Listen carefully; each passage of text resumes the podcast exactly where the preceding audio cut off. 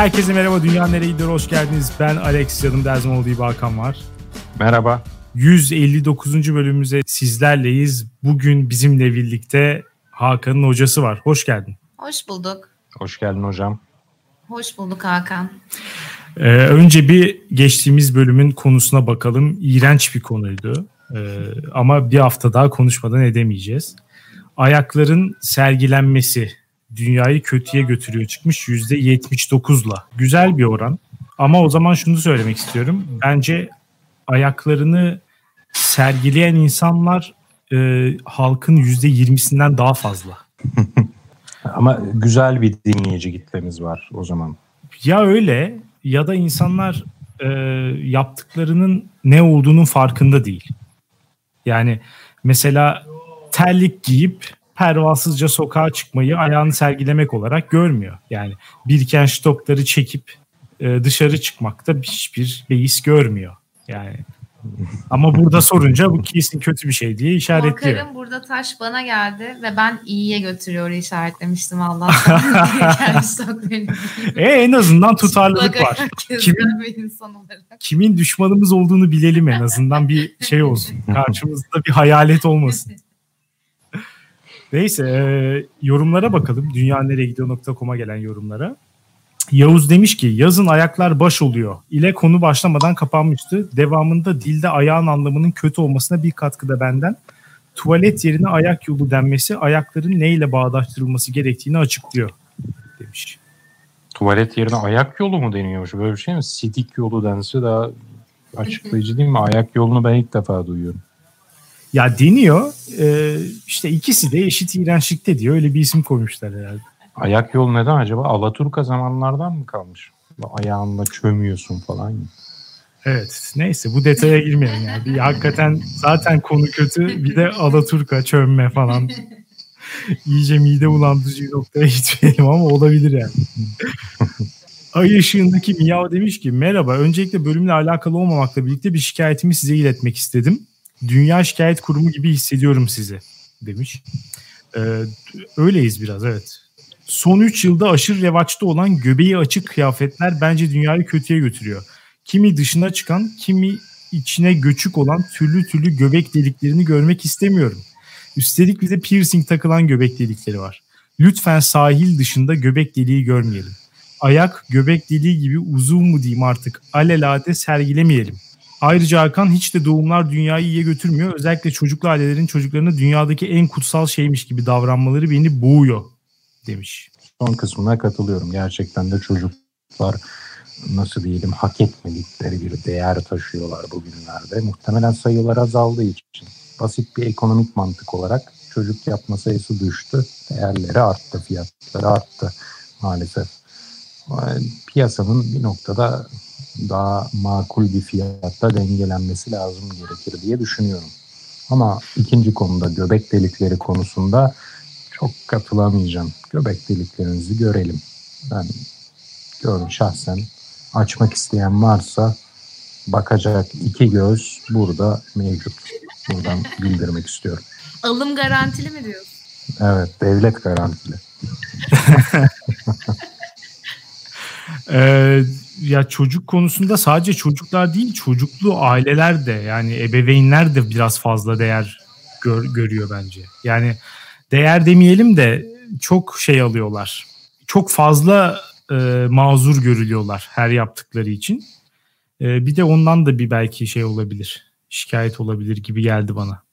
Göbek açma konusunu bilmiyorum benim için hiçbir şey değil. Yani iyi ya da kötü bir kanım yok hiç maalesef. Sen ne diyorsun bu Göbekten konuda? göbeğe değişir bence. Kimler göbeğini açmasın?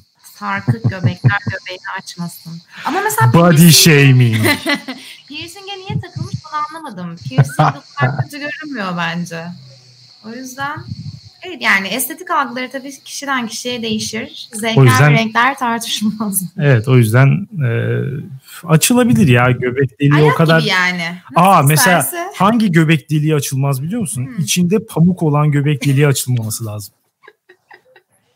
Ama göbek Alex deliğini burada açarken... bana bir taş var gibi e, hissediyorum.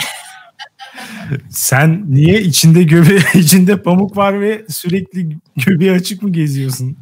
Açık konuşayım Alex. Benim göbeğimin içinde benim göremediğim bir e, mevsimsel pamuk işçileri yaşıyor diye düşünüyorum. Gap. ya sürekli topluyorlar. Sürekli bir hasat halindeler. Ya çıplak gezeyim yine pamuk oluşuyor orada. Bunu açıklayamıyorum.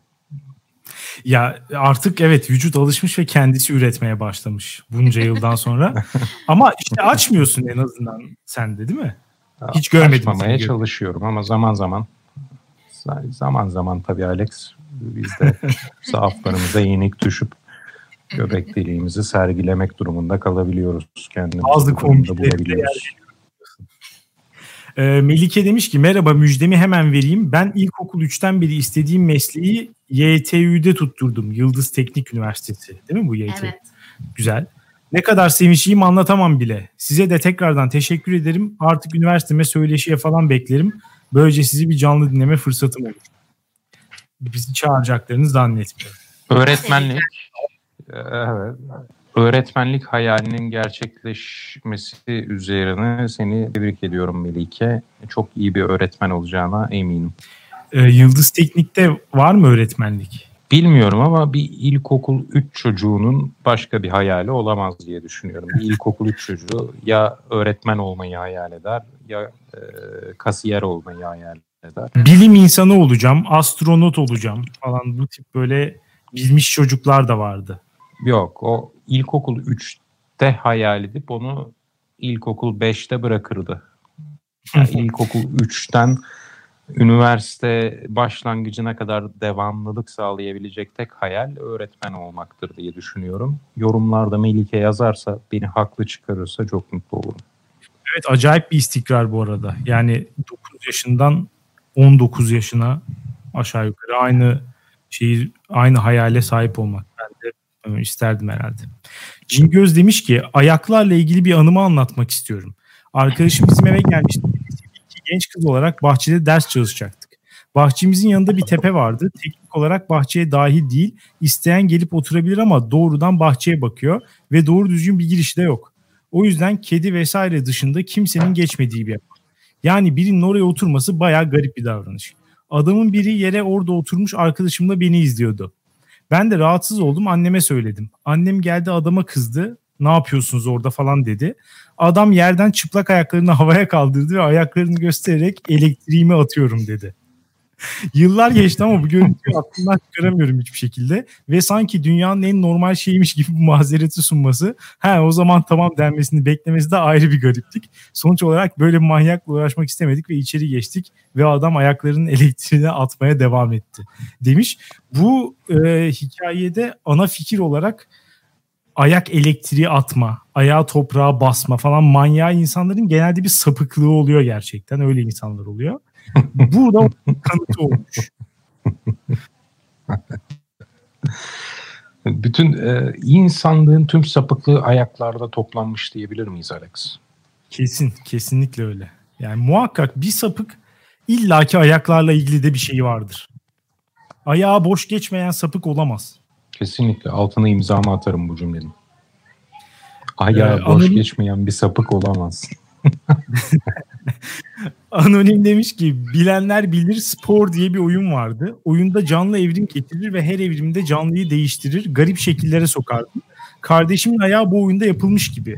Gördüğüm en korkunç ayak ve yıllarca bu ayağa maruz kaldım. Kemikli uzun bir ayak. Baş parmak kocaman olmasına rağmen yanındaki parmak baş parmaktan daha da uzun. Ve bu parmak hemen yanındaki diğer parmakla aynı boyda. Sondaki diğer iki parmaksa diğerlerine göre çok küçük. Anlatırken tekrar iğrendim demiş. Hakikaten benim de gözümün önüne defalarca geldi ve gerçekten çok iğrenç. Alex bir şey itiraf edeyim. Ben bu yorumu ilk okuduğumda dedim ki Alex'in kardeşi mi yazmış ya acaba bu yorum?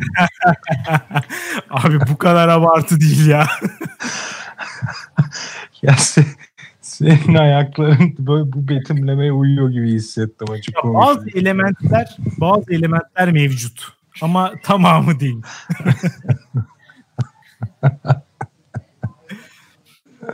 ee, ayak oyunları demiş ki çocukken babaannemin ayaklarını görüp kusmuştum. Kadın bir daha çorapsız gezmedi demiş. Güzel en azından iyi bir alışkanlık kazan. Öğrenmenin yaşı yok. Abidik Gubidik demiş ki Alex o kadar haklısın ki Allah kahretmesin bunları. Bu ayakçılık olayı yüzünden herkes kendi Tarantino sanıyor. Üstelik kimseye garip gelmiyor. Seviyorsan çek kendin bak. Benim hayattan aldığım az bir zevki bile bu kadar düşürmemeli kimse.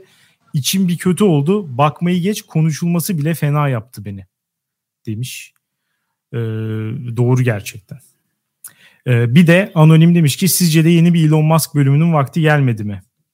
Onun zamanlaması üzerine e, çalışıyorum. Şu an iyi bir zaman değil. Bu arada bu haftanın konusuna geçmeden önce Patreoncular şu an görebiliyor ama dinleyenler de belki seslerden tahmin etmiştir. Ee, Hakan'ı tatile gönderdik. Bize bir oradan tatil havası, Ege havası, işte bir ambiyans, doğa ambiyansı versin diye. O da bize çok güzel bir görsel şölenle e, karşılık verdi şu an. Bunu tabii sadece patreon.com slash dünya nereye gidiyor adresinden bize abonman olanlar görebiliyor. Siz Beni çıplak görmek isteyenleri bekleriz patron olmaya. evet yani bir de şey hizmeti de sunuyoruz artık. Ee, o, hem Patreon hem OnlyFans gibi düşünebilirsiniz. İkisi birden artık. ee, diyerek bu haftanın konusuna geçelim yavaştan. Evet Hakan hocası ne konuşacağız? E, bu hafta size şöyle bir konu getirdim. E, Masterchef'i sapık gibi izlediğim için birazcık e, yemekten, yemek programlarından konuşalım istedim. Masterchef'e Bilal'e gelmeyi planlıyorum açıkçası e, program boyunca. Ama önce biraz daha geriye gidip yemek programları nelerdi, nasıl hayatımıza girdi e, ve doğası gereği bunlar nasıl programlar birazcık onları konuşalım istedim. Hocam ve, her şeyi heh. Martha Stewart mı başlattı? Ben Emine Beder'in başlattığını düşünüyorum. ee, o bence başlattı. Marta onun anca e, zamanında su şefidir. Getir götürünü mü yapar? Mutfakta getir götürünü yapıyordu. Ee, ama e, ülkemizde kuşkusuz Emine Beder yani varsa daha eskisi tabii bizim belki yaşımız yetmiyordur ama ya ben en eskilerden o ve Oktay Usta'yı hatırlıyorum. Bir de Oktay Usta diye bir adam vardı. O da çok benzer bir yemek programı tarzı vardı. İşte daha böyle şey e, yani hedef kitle direkt olarak ev kadınları. Yani başka kimse yemek yapamaz düşüncesiyle tasarlanmış programlar. Direkt onlara hitap ediyor. Dolayısıyla ortam da öyle. Böyle işte sıcak bir stüdyo ortamı. İşte sunucular tabii ona göre seçilmiş. Daha böyle nur yüzlü, Ondan sonra her an şeyde görebileceğiniz mesela şimdiki yemek programlarında şeflere falan bakıyorsun adam rockstar gibi yani görüntü böyle işte genç, jön falan kadınsa Zaten da böyle şey. dövmesiz insanı şef yapmıyorlar anladığım kadarıyla. evet. Şu anki programlar daha bir öyle şey e, şefleri falan çıkartıyor. Bunlar öncekiler mesela hakikaten Emine Bedel olsun şey olsun Oktay Usta olsun.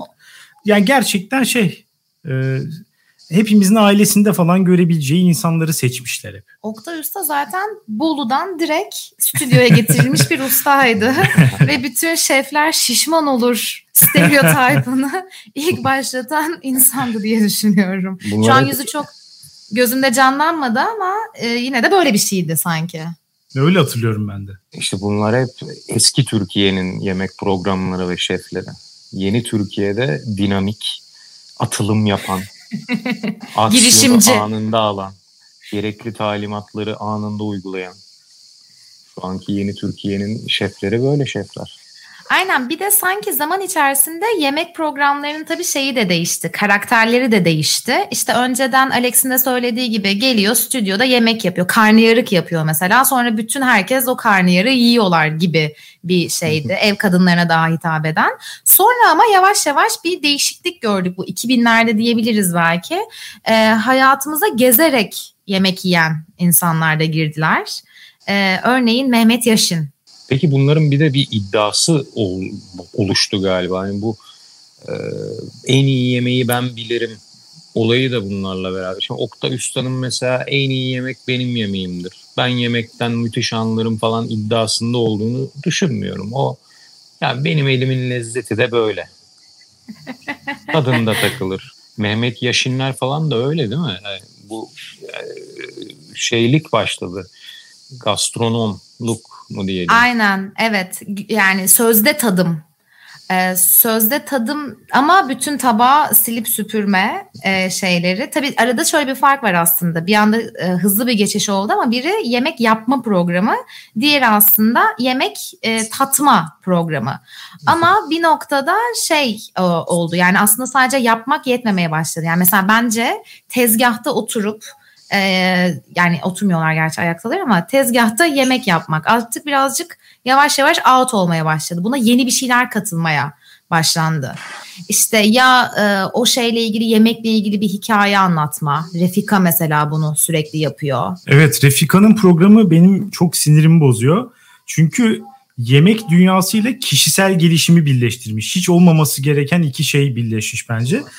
Kadının şeyleri falan iyi aslında e, ne bileyim işte tarifi, personası falan iyi bence mesela. Şeker bir insan gerçekten. Ama arada o işte bir anda şeyler falan giriyor. İşte kendinizi sevin, doğa şöyledir, böyledir falan. Ya bu ikisi hiç olmaması gereken fazla ponçik oluyor artık program. yani hem yemek yapan şey bir kadın, sempatik bir kadın, üstüne bir de sürekli pozitif mesajlar. Ya biraz fazla overdose geliyor artık bana ve ben o programı izleyemiyorum açıkçası.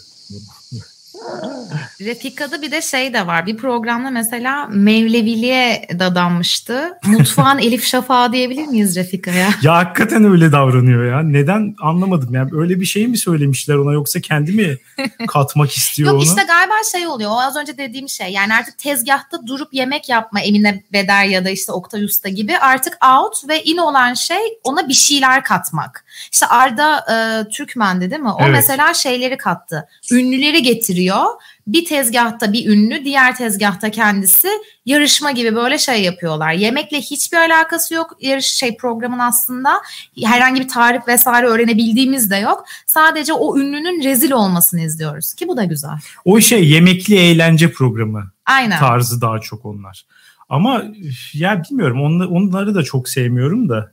E, Refika'nın tarzı bana en şey gelen, en antipatik gelen. Ya artık abi şeften de hayat öğretisi almayalım ya. Yeter artık yani. Herkes bize bir şeyler anlatıp duruyor. Şöyle yapın, böyle yapın, gülümseyin falan.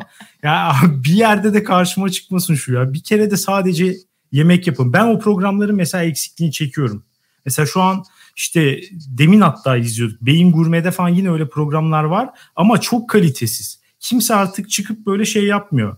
Doğru düzgün hani mutfak prensiplerini öğreten, evet. işte tarif verilen, falan. Belki tarife bile gerek yok. Tarifi her yerde bulabilirsin. Ama bana çıkıp bir şekilde böyle bir ipuçları. Ya evet ya bir bir pratik bilgi verse, bir tecrübesini falan aktarsa o o program eksikliği çekiliyor bence birazcık. Sen sanırım mizan plus öğrenmek istiyorsun Alex. evet. Ya evet yani hakikaten o terimleri de öğretsin. Ondan sonra işte hangi e, şeyleri kullanmak hangi malzemeleri neyle kullanmak daha iyi gider falan. Bu bir bilgi programı lazım bence. Ama Buna acaba kendileri de mi tam bilmiyorlar? Heh, ağzına sağlık Alex. Ağzına sağlık. Masterchef'te şu anı kaç kere izledik? Bunun içinde kayısı mı var? Yok şef. Veya e, işte e, marshmallow'un şeyinde mi? Sosunun içinde mi? Evet şef ama yani bunları senin çıkarıyor olman gerekmiyor mu damaktan? sallıyorlar. Bir de başta izlemişler. Yarışmacılar yarışırken neye ne koydular bakıyorlar. Bunların kulaklarına fısıldıyorlar. Şunda şu var hocam. Bunda bu var. Bu bilgiyi satarsınız. Hiç yoksa öyle damaktan falan sosun içindeki 15 e, ingredient'ı döküp sayma. Bunlar yalan ya Alex. İnanmıyorum bunlara ya sen... biraz da şeyle alakalı. Ee, o kişinin de e, ne kadar kalifikasyonu yüksek. Oraya da Masterchef kısmında geliriz. Masterchef jürisini de biz bir şey yapalım, değerlendirelim. Onlar herkesi değerlendiriyor. Chef Stable'a ne diyorsun? Netflix'teki bu en ünlü şeflerin çıktığı ve her birinin bir yaşam gurusu olarak hayat felsefelerini anlattıkları e, inanılmaz ulvi bir programlar her biri. Ya o da birazcık şey bence. E, biraz bazen dozu kaçıyor, antipatik olabiliyor ama yemeğin estetize edilmesi açısından olumlu görüyorum. Yani orada onlar kendilerine bir kulvar yaratmışlar açıkçası. Çıkanlar zaten e, ortalama şefler bile değil. Yani neredeyse tamamı fine dining şefleri, dünyanın en iyi şefleri. E, dolayısıyla onlar için böyle bir program yapılması bence olumlu ve dünyada gastronomiye olan e, ilgiyi inanılmaz arttırdı. Bence Chef Stable'ın etkisi e, hiç göz ardı edilemez yani. Çok etkili bence. Kesinlikle. Bir de en önemli etken de bence işte o şeflerin her birinin aydınlanmış insanlar gibi tanıtılması. Bu insanın her dediğine ben e, can kulak dinlerim. Bunun bir bildiği bir şey var. Bu hepimize bilgeliğini aktarabilir. Ya yani böyle bilge insan modeli doğdu şeflerden. Ben buna biraz e, katılmıyorum diyelim. evet ya fazla starlaştırıyorlar cidden. Ama ya biraz da şey bilinçli. Evet ama dediğim gibi yemek konusunu patlatan programlardan biridir. Orada en en sinir olduğum şeylerden bir tanesi e, Chef Stable'da herkesin sürekli çocukluk atıfları yapması. Abi yeter ya yeter artık hmm. yani sürekli herkes çocukluğunda anneannemin mutfağında şöyle falan. Ya o kadar belli ki öncesinde kastığı bunların yani hiç hatırlamıyor belli ki. Hiçbir şey yok orada ama hani herkes söylediği için o da zorunda hissediyor. Böyle en ucra abuk subuk hikayeler. İşte benim halam şöyle yapardı. Şunu yap şöyle. Ben de oradan aldım esinlendim diyor alakasız bir şey çıkmış işte çünkü bilgi insanların çocukluklarında başına gelenler önemlidir. Herkes merak eder.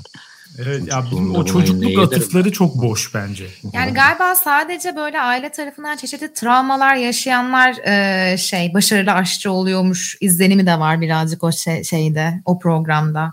Yani birinin bir şeyden öğreniyor da senin yani çocuksun sen git sokakta gez niye halan çiğ köfteyi nasıl yapıyor diye bakıyorsun yani bu nasıl nasıl bir çocukluk bu çık mutfaktan. Garip ama belki bu işte üç kuşak önceki anneannem de bu tarifi yapıyormuşu galiba Chef's Table'da başlatan da Musa diyebilir miyiz? Hayır canım hepsini hepsi söylüyor öyle şeyler. Sanki bu onda daha şey yoğun hissediliyormuş gibi e, geliyor bir noktada. Ama tabii şey yani işte bu hikaye katma olayı artık çok fazla şey oldu. Geçen de yine Beyin Gurme'de izliyorduk mesela bir kadın ve yani o kadar itici ki zaten yanında çalışanlara da çok kötü davranıyor. Mutfaktaki mobbingi şeye yansıtmışlar, programa yansıtmışlar. ve e, diyor ki işte sıfır atık prensibiyle hareket ettiği için mutfakta sıfır atık, sıfır kayıp. O yüzden e, hamsinin e, şeyini çıkarmış, kılçıklarını onu da ayrıca kızartmış. Hmm. Şimdi ne gerek? Yani her şeyi yemek zorunda da değiliz mesela. Hani böyle bazı görevlerim var belki evet. Doğru bu arada güzel. Atık kayıp kötü bir şey okey. Ama hani bunu bu kadar kastırmaya da gerek var mı diye insan düşünmeden edemiyor. Ya dönem dönem öyle trendler oluyor. Ona uymak için resmen yırtınıyor herkes yani. E, muhakkak bir yerden o da programa girsin diye zorluyor. Ama mesela o çocukluk şeyinde yine yakın zamanda izlediğimiz şunu hatırlıyor musun? Ee, ya maksimum 35 yaşında bir şef. Maksimum. Çıkmış Hı. çocukluğundaki tariflerden bahsediyor. Abi zaten arada o kadar bir şey yok. Hani kayıp bir yemek değil ki o zaten 15 e, sen 15-10 yaşındayken yapılan yemek şu anda yapılıyor. Aynısı zaten o. Artık yani hani zorlamanın bu derecesi yani. Senin çocukluğun ulan zaten 10 sene öncesi neredeyse. ne farkı var yani şu anki çocukluktan? E, işte bu şey diyorlar ya eskiden aşçı diye aşağılanırdı şimdi şef diye e, yere göğe sığdırılamıyor. Yani Kantar'ın topuzu yine bir kaçmış. Biraz bir aşçılıklarının hatırlatılması gerekiyor bu şeflere. ya onlar muhtemelen zaten televizyon ekranlarında e, şef izlerken falan öyle ama mutfağa girince herkes aşçı yani. Bu da bir gerçek. Aşırı zor şartlarda çalışıp çok düşük maaşlar falan alıyorlar. Hani hmm. dışarıdan çok parıltılı gözüküyor ve tabii ki bazı işte hani sektörün, endüstrinin en tepe noktaları e, muhteşem paralar da kazanıyor olabilir ama normalde aşırı sömürüye ve fiziksel e, güce yani tüken tükenircesine çalışmaya dayanan bir meslek ve gerçekten hayvan gibi mobbingi var bilmem nesi var. Yani çok aslında göründüğünden çok uzakta bir iş. Doğru.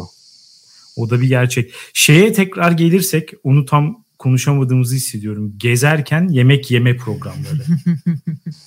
yani o da birazcık e, bende artık ciddi antipati yaratmaya başladı. Çünkü şu, şu noktadan bence konsepte hiçbir sorun yok. Eğlenceli bir konsept. Aynen onu söyleyecektim. Mesela bu konsept aslında ben hem yemek yemeyi hem gezmeyi çok seviyorum. Bu ikisinin birleştiği noktada benim için mesela çok ideal bir program. Çünkü artık yani gerçekten ona gelecektim ben de aslında. Bağlama şeyim oydu. Hani tezgahta yemek yapmaktansa o yemeği yapılışını görmek evet bir şey bazı insanlar ondan hoşlanırlar. Ama yani biri gelsin karşıma anlatsın ve ben o yemeği de göreyim. İşte o yemeği görmüşken etraftaki şeyleri de göreyim hatta restoranı da göreyim. Yani bunlar mesela şeyi de e, ilgiyi de başka bir türlü şey yapıyor çekiyor bence. Evet bir de e, bu günümüzün şeyi de hani keşif muhabbeti vardır ya işte bir yerleri tavsiye etmek şuradaki bir restoranı keşfetmek falan böyle bir şey de var. İşte ücra lezzetleri keşfettim. Gittim bilmem neredeki pideci. Kimse bilmiyordu çok güzel falan. Bunun da bir şeyi var. İşte, cazibesi. Evet hem cazibesi hem de hakikaten şeyi de var bence. Eğlence değeri de var. İzletiyor yani kendini. Ama yapanlara bakıyorum ya bu iş bu kadar kötü yapılamaz ya şaka gibi gerçekten. O mesela Mehmet Yaşın ve arkadaşı Teoman mıydı herifin adı? Teoman. Ya bu kadar boktan bir program olamaz şaka gibi gerçekten. Üstüne para veriyor olmaları lazım bu programı yapmak için. Çünkü bak sürekli bir yere gidiyorlar. Zaten çoğu bilinen yerler. Gidiyor adam yemek hakkında neredeyse hiçbir şey sormuyor. Yemek önüne geliyor, yiyor. Her seferinde çok güzel. Ya yorumlar da bu basitlikte. Çok iyi. Muhteşem. Acayip karnım acıktı falan. Böyle şeyler söylüyor. Ben bundan var ya 3 tabak daha yerim falan. Abi şu bilgilerin bizim için ne gibi bir şeyi var? Önemi olabilir. Yani hiçbir mantığı yok programın. Buna kesinlikle katılıyorum. Ben de bu tarz programlarda sunucu benim için de çok önemli. Mesela ben Mehmet Yaşin'i geçtim. Anthony Bourdain. Adamın aslında yemekle yakından uzaktan bir alakası olmadığını öğrendiğimde yani şef falan olmadığını öğrendiğimde çok büyük hayal kırıklığı yaşamıştım. Yani bu adamın o zaman bu programı nasıl bu kadar ünlendi? Tamamen adamın bu star gücüyle mi gitti? Mesela diğer bir Jamie, Jamie Oliver mıydı ne? Evet, o da evet. bir program yapıyor galiba. Ya onu izlerken daha iyi hissediyorum. Çünkü adam sana bir, bir şey de verebilir gibi hissediyorum. Sana o an bir bilgi verebilir, anlatabilir. O görüp yediği şeylerin de kıymetini sana daha iyi aktarabilir gibi hissediyorum. Ya kesinlikle Buradan... öyle. Ya burada ama ben burada yine birazcık şeyim açıkçası rahmetli öncelikle Allah rahmet eylesin bir analım kendisini. ee, bir de ben tabii onun e, programına çıktığım için e, birazcık daha yanlı bakıyorum e, Antony'ye. Nasıl yani hocam? E, bir e, denk gelmişti bir şekilde. E, işte onun da takıldığı İstanbul'daki önemli mekanlardan bir tanesi. Karaköy'deki mutfak dili ev yemekleri lokantasında. o gelmiş çekim yapıyordu. Ben de orada tavuk pilav gibi bir şey yiyordum. Ve o programda e, profilden, arkadan saçlarım, sırtım görünmek suretiyle meşhur olmuşluğum vardır uluslararası arenada. Dolayısıyla Anthony Bourdain'i yedirmem. ya ama ben şu kız şu kısmı hakikaten önemli bence. Şimdi televizyonda bir insanları izleyeceksek ve onlar da işte gurmelik, ne bileyim işte yemek eleştirmenliği, keşif bilmem ne bu gibi iddialarda bulunuyorlarsa biz onlara bir şey veriyoruz değil mi? İşte bizim adımıza karar verme. Bir otorite atfediyor sonra. Ya ama adamın da birazcık bunun içini doldurmak için bir şey yapması lazım ya. Bir çaba göster abi. Bir şey söyle yani. Bana ben dediğim ki e, tamam hani teyit edeyim onun benden daha çok bilgisi olduğunu. Dolayısıyla televizyonda olup bana bilgi vermeyi hak ettiğini anlamam lazım. Yani Mehmet yaşında bu hiç yok mesela. Hiç yok. Yemekle ilgili hiçbir şey bilmediği çok belli. Gitmeden önce bir okumamış bile yemeğin. Kesinlikle falan. alakası yok. Sadece obur ya adam. Tek olayı bu. Yemek yemeyi çok seviyor. E öyle bir sürü adam var abi. Sen niye oradasın o zaman? Hissini veriyor bana. Onun programını izlemek. Aynı şekilde mesela şey daha eğlenceli ve sempatik bence bir tık daha. Ama Ayhan Sicimoğlu da öyle. Yani kesinlikle şey yapıyor janti giyim tamam işte renkli pantolonu çekmiş falan abimiz. Yani güzel tamam Hani bakıyorsun işte şakalar makalar hastasıyız. Ama biraz daha sempatik Mehmet Yaşında o da yok. Hani hiç izletmiyor da kendini. O yok. Star ışığı da yok yani. Ama Ayhan Sicimoğlu'nda da yine aynı sorun var. Yani yediği yemekten bir haber ya.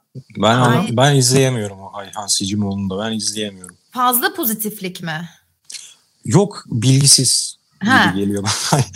yani o niye orada o var da ben yokum sorusunu bana evet. sordurttuğu anda e, izleyemiyorum. Büyüsü bozuluyor yani programın tamamen. Ayhan Sicimoğlu'nun bence bu arada mesela Mehmet Yeşil'den farkı da şu. E, genelde daha uluslararası zaten dolaşıyor Ayhan Sicimoğlu. Ve her gittiği yerde bir restorana gidiyor diyelim. O restoran ya arkadaşının restoranı ya da arkadaşının tavsiye ettiği bir restoran. yani adam sadece çevresine iyilik yapmak üzere evet, kurmuş nepotizm bütün programı. yaşanıyor burada. İnanılmaz. Ve bir insanın mesela bu kadar e, arkadaşının olması da bana çok garip geliyor. bu işle ilgili bu kadar arkadaşın ve kendin hani ne aşçısın dediğiniz gibi ne şeysin aslında ne olduğu da zaten. Müzisyen herhalde evet, aslında. müzisyen. Yani. Doğru. ya bence Ayhan Sicimoğlu yani en iyi şöyle denebilir. Çok iyi bir zengin. Yani zenginliği güzel. Kaliteli zengin. Kaliteli zengin aynen. Lezzetli zengin. Yani hakkını veriyor zenginliği. İyi bir zengin. Daha kaliteli zenginler var ama. Kim? Vedat Milor. Aha. gurmeliğin hakkını veriyor. Yani Türkiye'deki tek gurme yani göz önündeki tek gurme diyebilir miyiz Vedat Milor için? Gurmenin gerçek adresi. Gurmeyi Vedat'ta tadacaksın. Vedat Milor gerçekten kaliteli bir adam. O, o vibe'ı veriyor. Yani içini bilemeyiz. İçini kimsenin bilemezsin. Belki evde iğrenç bir insan. Evde böyle ona iyi. yemek yapan hizmetçileri dövüyor falan. Yani bunlar hepsi olabilir. Ama e, şey ışıldıyor. Ya evet kesinlikle hem şeyi e, işte yemek bilgisi hem sektöre dair bilgiler işte malzemelerle ilgili bilgiler yanında işte şarapla ilgili bilgisi çok fazla. Ondan sonra e, restoran sektörüyle de ilgili bilgisi çok. Yani dolayısıyla adam tam bir şey full paket yani yeme içme gastronomi konusunda hakikaten e, yetkin bir abi olduğunu her türlü hissettiriyor. Bir de üstüne hayata dair bir e, bilgi ve bakış açısı da sunuyor. Ama bunu böyle çok hani göze batırarak da yapmıyor. Hani gidip bir yemek anlatırken durduk yere bir anda Refika gibi pozitivite değil. Ama adamın olaylara yaklaşımından onu sen alıyorsun. Bu da mesela hakikaten adama şey sıfatını veriyor. Yani bir yemek eleştirmeninden çıkartıp gurme yapıyor gerçekten. Evet mesela Fark o bence orada. Şey vardı ya bir programda e, telefonu denize düşmüştü ve onu boş verip hala tadıma devam ediyordu. Bu birçok e, Mesnevi'deki birçok şeyden alıntıdan daha değerli bir hayat dersi. Böyle fiziksel şeylerin hayatımızda yerinin ve öneminin minimum olmasına dair. Muhteşem bir insan ya. Tabii yani Vedat Milor'un mesela bence en büyük buglarından bir tanesi de e, belki Türkiye için daha tradisyonel bir yeme alışkanlığına sahip insanlar için biraz fazla radikal. E, dönerin yanında dahi şarap içebilme e, vizyonuna sahip bir insan evet. ve bunlar mesela işte bazen şeylere e, doğduğu yere karşı bir şey oluşturabiliyor. Bir çatışma diyelim. Evet o şey yorumları müthiş. Mesela adam diyor ki bilmem ne ocak başına gittim yanımda da işte bordo şarabı getirdim falan diyor. 1970. Evet, altta yorumlarda infial var artık böyle. Millet kafayı yok. Ocak başını falan basacaklar artık. Onun yanında şarap mı olur? İşte şunu içeceksin, bunu içeceksin, rakıyı götüreceksin falan. Aa, taviz vermeden yolunda ilerliyor işte. Büyük Kesinlikle. Ya ben özellikle ya son dönem Vedat Milor'un sosyal medya kullanımı e, millet çok fazla göklere çıkartıyor. Ben tam tersini söyleyeceğim. Bence e, son dönemde giderek düşen bir trendi var. Tepe noktasını şeylerle gö- gördü. Sürekli e, Türklere geçirdiği bir dönem vardı. mesela video diyor. videonun yarısında mesela işte bu Bask bölgesinde bir restorana gitmiş. Oranın bir tatlısını anlatıyor. Anlatırken yarısı videonun Tatlıya anlatma. Öbür yarısında da şey diyor. Tabii kesin bizim sütlacımız daha güzeldir. Bu bizim kazandığımızda yarışamaz ama bunlar da bir şeyler yapmışlar işte falan diyor böyle. O dönem peak noktasıydı. Şu an biraz daha böyle popülist ve açıkçası bu bir PR operasyonudur. Kokan şeyleri var. Hmm. Paylaşımları. Ama yine de o yaş ondan sonra bu kadar göz önünde olma her gün paylaşım yapmaya rağmen hiç sıçmamış olması bile inanılmaz bir başarı zaten. Ya böyle şey yaparlar ya düzenli aralıklarla en çok güvendiğiniz insan işte böyle Acun birinci. bir Seda Sayan.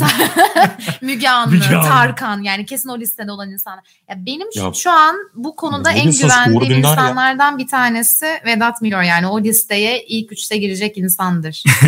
şu Uğur Dündar'ı artık bir yerinden etsin, birinciliğinden etsin. Arkadaşlar bu ismi nasıl unuttunuz? Her sene birinci geliyor Uğur Dündar. Abi Uğur Dündar'ın o eski kavga videosu çıktığından beri bu güvenilir insanlar listesinden diskalifiye edildi ve tacı geri alındı. Belki daha da güvenilir. Kavgaya girsem Uğur Dündar'a güvenirim. Mikrofonla adam yumruklama videosundan sonra.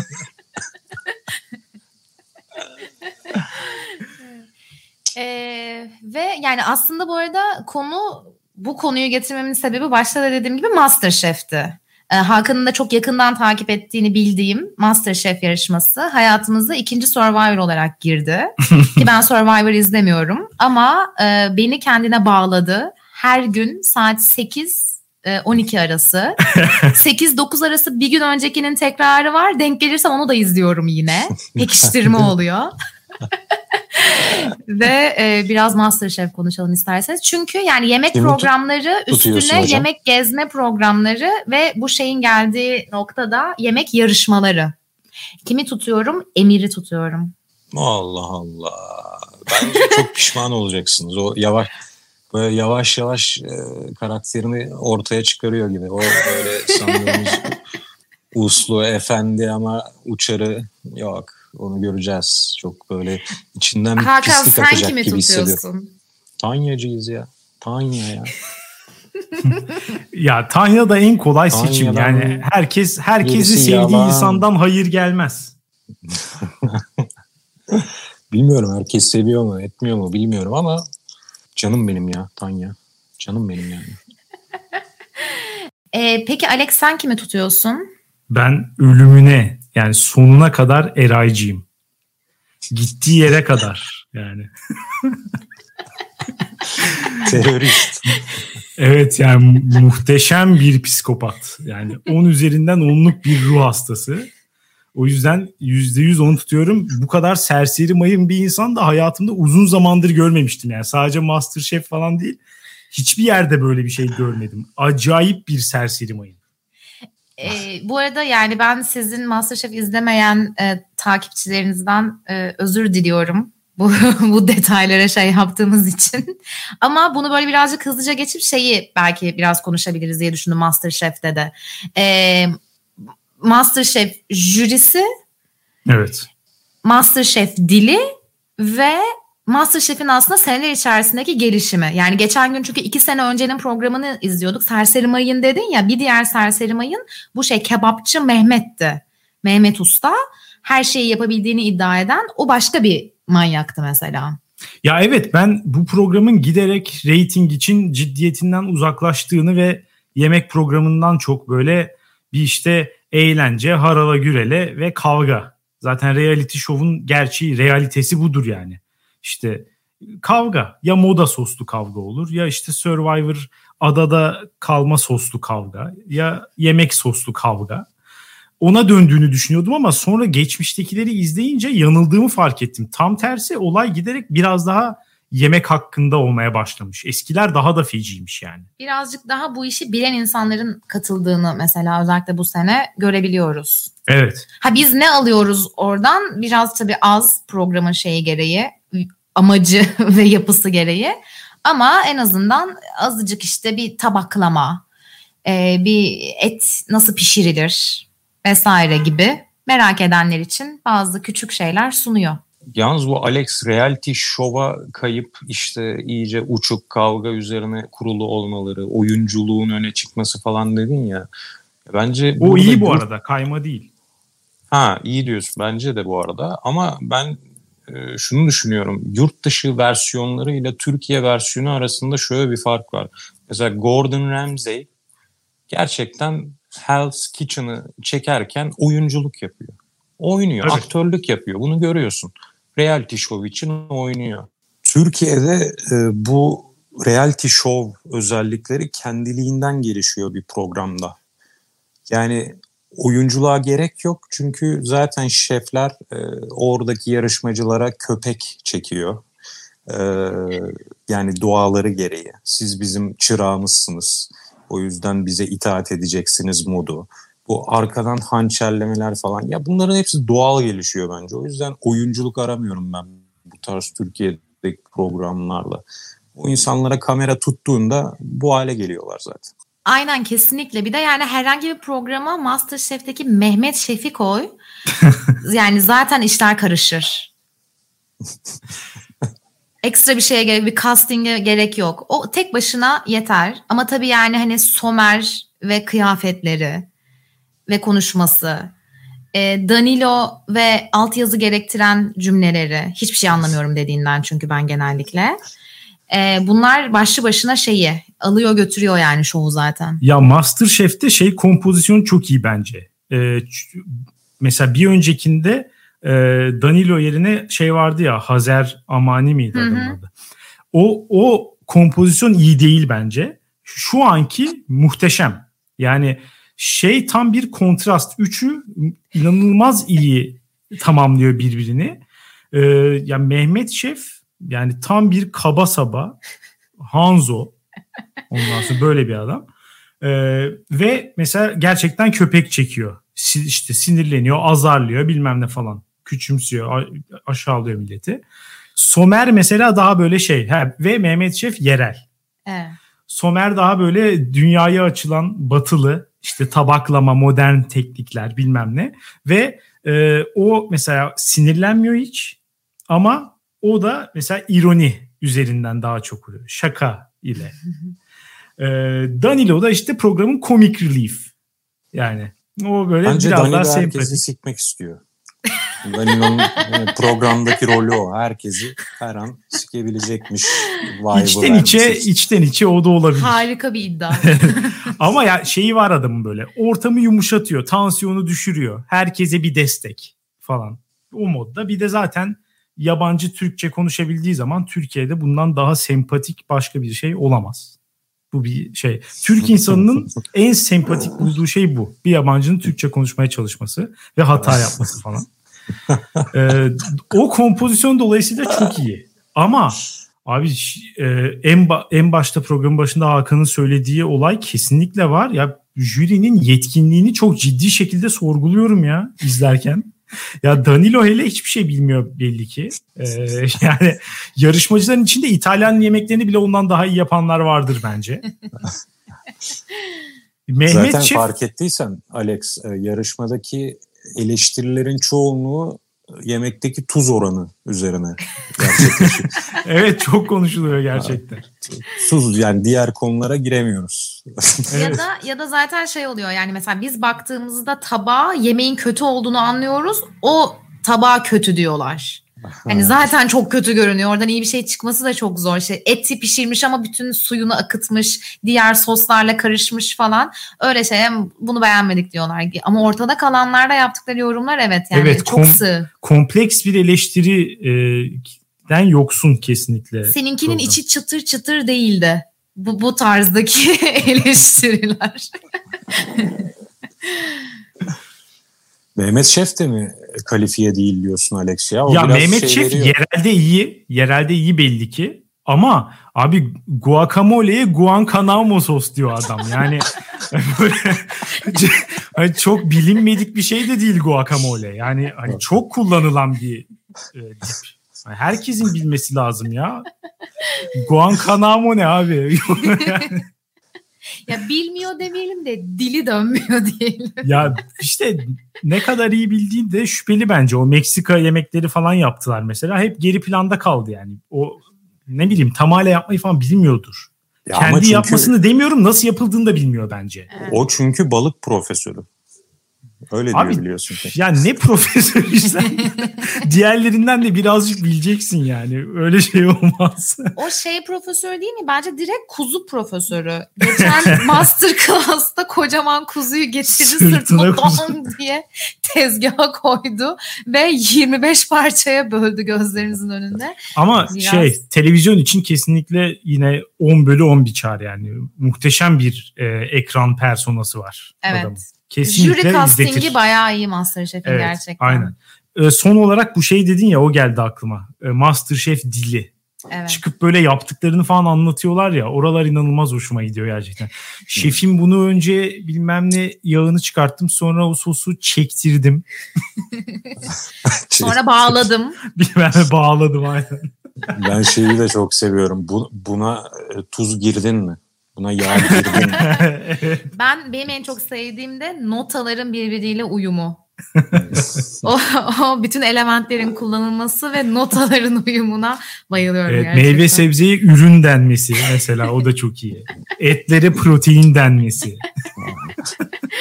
Kendi dilini yavaş yavaş oluşturan bir şey. Yani bu mutfak dili midir? Muhtemelen değil. Ama ya öyle canım mutfak kendi dilini oluştu bir master chef dili var artık galiba. Bir de görsel dili var. O da çok önemli. Şu hareket her programda sürekli görüyoruz. ama bunu e, dinleyenler sadece göremediler ama dinleyenler tam... göremeyecek. Patreoncular görecek bunu. Görsel dili Patreon'da göreceksiniz. Ama hakikaten Ve... şey önemli bir hareket MasterChef için. Tam tam Masterchef'i anlatan, özetleyen bir hareket. Bu arada sadece dinleyenlerin e, göremeyeceği o zaman bir şekilde ben de veda edeyim ve denize girmeye kaçayım. Size geçen hafta ayak, bu hafta yorumlarda göbek deliği konuştuk. Patronlara son olarak bir göbek deliğimi göstermek suretiyle İnşallah pamuk ediyorum. delikli değildir. Evet gerçekten ve gerçekten çok iğrenç bir görüntüydü.